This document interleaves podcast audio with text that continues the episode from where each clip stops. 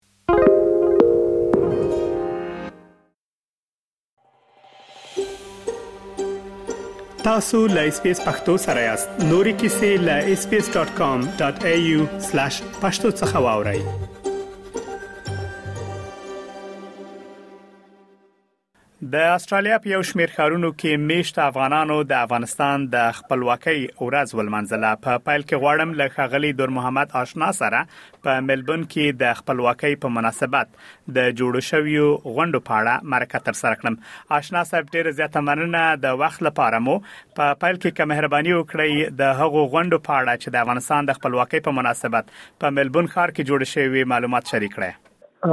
ډیره مننه په لومړي سر کې زه تاسو او تاسو د رادیو ټولو درنو او قدرمنو اوریدونکو ته خپل سلامونه او نیک هیلې وړاندې کوم موږ په رون په ملبورن کې یعنی په وکټوريا ایالت کې د استقلال یو سلو څلرمه کاریزه وال منځله په دې کې یو شمېر ډیرو افغانانو ګډون کړی او دا د ټولو افغانانو په نامه دا کال موږ منځله په دې کې علاوه د دې څخه چې خپل د افغانانو مشرانو کشرانو ځوانانو وړو ماشومانو ګډون کړی وو یو شمېر خپل د استرالیا د فیډر پارلمان د ستې د پارلمان او نور استاذ د نورو کمیونټي او استاذ ګډون کړی وو او په شاندار مراسم سره دا کال بیا موږ دا کالیزه ولمانځله. موږ د ډېر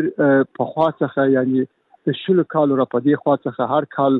همداسې په شاندارو مراسمو سره دغه ورځ دلته لمانځو. آشنا صاحب په ملبورن ښار کې د خپلواکۍ په مناسبت یوه بله غونډه هم جوړه شوې وه. هغه غونډه د چا له خوا نه جوړه شوې وه او د تاسو له غونډې سره یې توپیر په څه کې و؟ دجلیس د استقلال په اړه باندې هر څوک دلته غونډې جوړوي او دوی حق لري چې غونډې جوړې کړي. که ستاسو په یاد وي دا د استقلال ورځ په افغانستان کې اوه ورځې لمانځل کېده دلته هم یو د ځوانانو ټولنې همدارنګه یو بل د افغان سریا اسوسیاسیون د خوا څخه چې فاميلي په حساب دا ورځ ول منځل سول یو ورځ تر مخه د افغان ټولنې علاوه د دې چې د ورځ منځل البته د ټولنې لپاره نوي انتخابات درلودل په هغه خاطر هم دا ورځ دواړه پروګرامونه نیول آشنا صاحب په داسې حال کې چې تقریبا دوه کال وړاندې افغانستان جمهوریت نظام سقوط شو او طالبان واک ته ورسېده مګر له افغانستان څخه بهر افغانان چې دي د افغانستان د خپلواکۍ ورځ هر کال لمانځي راپورونه ښيي چې په اروپا امریکا او نور ځایونو کې هم افغانانو دغه ورځ لمانځلې ده ستاسو په نظر د دغه ورځ لمانځل څومره مهمه دي او ولې باید ولمانځل شي د دې ورځې لمانځل زموږ لپاره ډیر زیات ارزښت لري ارزښت په دې کې دی چې اول موږ غواړو د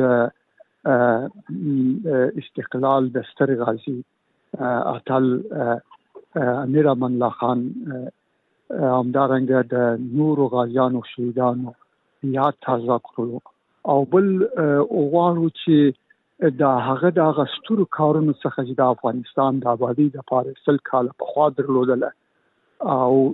خلک خبر کو په خاص ډول دغه ځوان نسل چې په دې اړه معلومات نه لري هغه ته د معلومات ورکو بهرنیان ته د معلومات ورکو او همدارنګه دا ورته توضیح کو چې ولې دا پلانونه ناکام شول ولې غازی امیر امان الله خان مجبور کی چې وطن پریږدي چا وکي علت څه دا ټول شان هغه مسایل دي چې خلک باید په خبر شي او د دې نه تجربه واخلي امدارنګ غواړو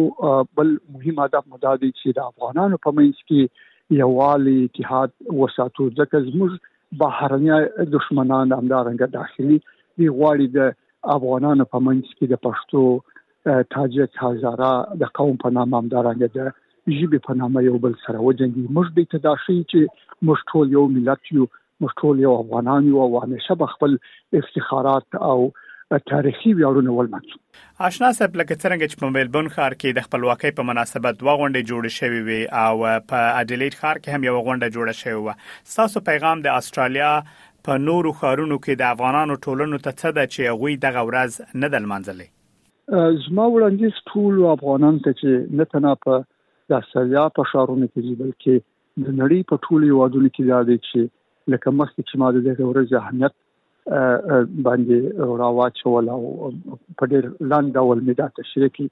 د دغه اهمیت په نظر کې نیولو سره باید په هر شهر کې دا او په هر هیواد کې دا ول منځل سي چې نوی نسل په خاص ډول دغه چې دلته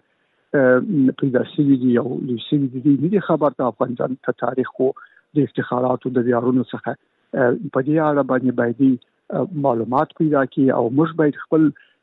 تاریخي ویارونه همیشه ژوندي وساتو او همدارنګه په دغه لار کې باید هر څه په وسپړی هغه باید تر سره کړو د افغان استرالیا د بشردوستانو او د بهرمیشت افغانانو د نړیوالې ټولنې مشر ښاغلی دور محمد آشنا له تاسو نه ډیره زیاته مننه چې موږ ته مو د مرکې لپاره وخت راکړ ډیره مننه ستاسو څخه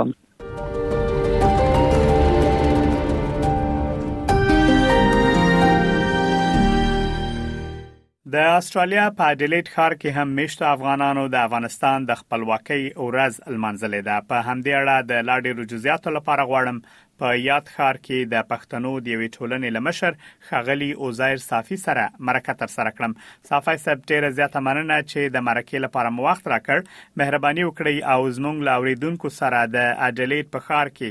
د خپلواکۍ په مناسبت د جوړې شوې غونډې په اړه معلومات شریک کړئ. سلام علیکم ورحمت الله وبرکاته تاسو ته او ستاسو اوریدونکو ته او ټولو افغانانو ته سلامونه او احترامات تقدیموم او د یو سلو څلورم کلیزې د ازادۍ د کلیزې د ټولو افغانانو ته مبارکي وایم مننه مونږ ته د وخت راکول نه دی او دلته خو تقریبا درې څلور کاله کیږي چې زمونږ د افغان نېشنل اسوسییشن په نامه چې په راز کې راز محمد پیرزوی صاحب دی او هغه سره نور ورونه دغه انیشیټیو یو څلور پنځه کال مخکې شروع کړي او په هر کال مونږ دلته په ساوث استرالیا کې دغه د ازادۍ ورځ لمانځو نو د دا کال او تیر کال او دوه کال مخکې مونږ هم زه چې د پښتنو د ټولنې مسولې مونږ ته هم انویټیشن راولېږو او د هغې په میټین کې شرکت وکړو او د هغې سره څه چې وس کېدو د خپل افغاني او احساس لمخې هغې سره مالی او جانی کومک هم وکړو نو دغه مراسم هر کال د ټولو افغانانو ورونو په ساوت استرالیا کې چې دي د هغې په کومک او مرسته معنی او د هغې په راټولېدنه معنی سر ته رسیږي چې پکې د دولت د ملټي کلچر منستر او د هغې د اپوزیشن ملټي کلچر منسټر هغه هم پکې ګډون کړی وو د نورو سټلمنټ اورګنایزیشنو خلکو هم پکې ګډون کړی وو د نورو کمیونټیانو لکه د انډیا پاکستان او داسې نورو کمیونټیانو لیډران مو مرته هم راغوښتي او خپل ټولو افغانانو ته مو خبر ورکړی وو او انویټیشن هم سیټ کړی وو او ډیر د ډیرو خلکو په ګټون باندې تر سره شو صافی صاحب د خپلواکۍ په مناسبت په ملبون ښار کې دوه غونډې جوړې شوې په مختلفو شپو نو غواړم د اډلیډ په اړه له تاسو څخه واورم چې آیا په اډلیډ کې هم دغه یوه غونډه جوړه شوې وه او دا غونډه هم د ټولو ټولنو لخوا په ګډه جوړه شوې وه ځکه په اډلیډ کې مختلفې ټولنې د افغانانو شته نو که په دې اړه معلومات ورکړئ چې آیا دا د ټولو ټولنو لخوا په ګډه جوړه شوې وه او آیا ټولو افغانانو د ټولو قومونو خلکو پکې ګډون درلوده بلکل همداسې وه مونږ چې تیر کال مونږ هم دوه ځایه ولمانځه چې یو د اډلید د سیټي کونسل د خوانه چې یو کونسلر یو واغې د افغانانو سره د خواخوږی په پار معنی جوړه کړی و نو پروس کال مونږ هم دوا او دواړه خ پروګرامونه وو په څه کال هغه بیا ونه شو کړل او مونږ خپل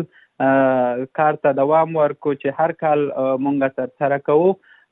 د ټولو ټولنو بالکل ټولو ټولنو پکې شرکت کړی او ماته ته ویل چې د ټول ساوت استرالیا افغانانو ته دغه انویټیشن سند شوی او په فیسبوک فیسبوک پیجونو باندې په واتس اپ ګروپونو کې په شخصي ټلیفون نمبر ته دا ټول سند شوی مونږ سره په دې کې هزاره ورونه زمونږ انان سره خپله د دری زبانه و او زمونږ یو ورور ورسره پښتونو نو ټولو قومونو او د ټولو ټولنو مشرانو پکې ګډون کړو او بیا هغه کوم دغه ورور ته د اعزاز پټکي هم ورپسر کړه چې دغه انیشیټیو شروع کړي او موږ ورسره کلک ولاړ یی او سپورټ کوی یی. صافی صاحب تاسو د خپلواکۍ په مناسبت د جوړو شویو غونډو نوښت ته اشاره درلوده دغه غونډې یا د خپلواکۍ په مناسبت چې غونډې هر کال په اډیلیډ ښار کې جوړیږي دا د چا په نوښت جوړیږي او مالي لګښت یې څوک ورکوي؟ لکه چې ما مخکې وویل افغان نېشنل اسوسییشن ده او زمونږ د پښتنو ټولنې نه بیا یو څو کاله وروسته دلته رجسټر شوه او هغې دغه د ازادۍ ورځ د لمانځل شروع کړو درې څلور کاله مخکې او دوه درې کاله کېږي چې مونږ هم ورته لاس ورکو او سپورټ کوي مالی کومک هم ورسره کړی دی هغه چې کله دا دوه کاله خو چې موږ میټینګ ته ورلو نو بس یو څه مالی ضرورت وو نو بیا په ټول څه چې په مجلس کې ناستو هر رور سل دوه سوه او دغه راغونډې شولې او انشاءالله هر څه خو په دې سره سره هغې سره یو څه فنډم د حکومت او د نورو ځایونو نه چې کوم ځای کې اپرچونټي ویني نو هغه ورته راجلبوي او د خدای په فضل سره په دې تیرو دوو کلونو کې د خپل افغانانو په مالی مرسته او د دغه ټولنې په فندونو باندې تر سره کیږي چې پراس کې راز محمد پیرزوی صاحب دی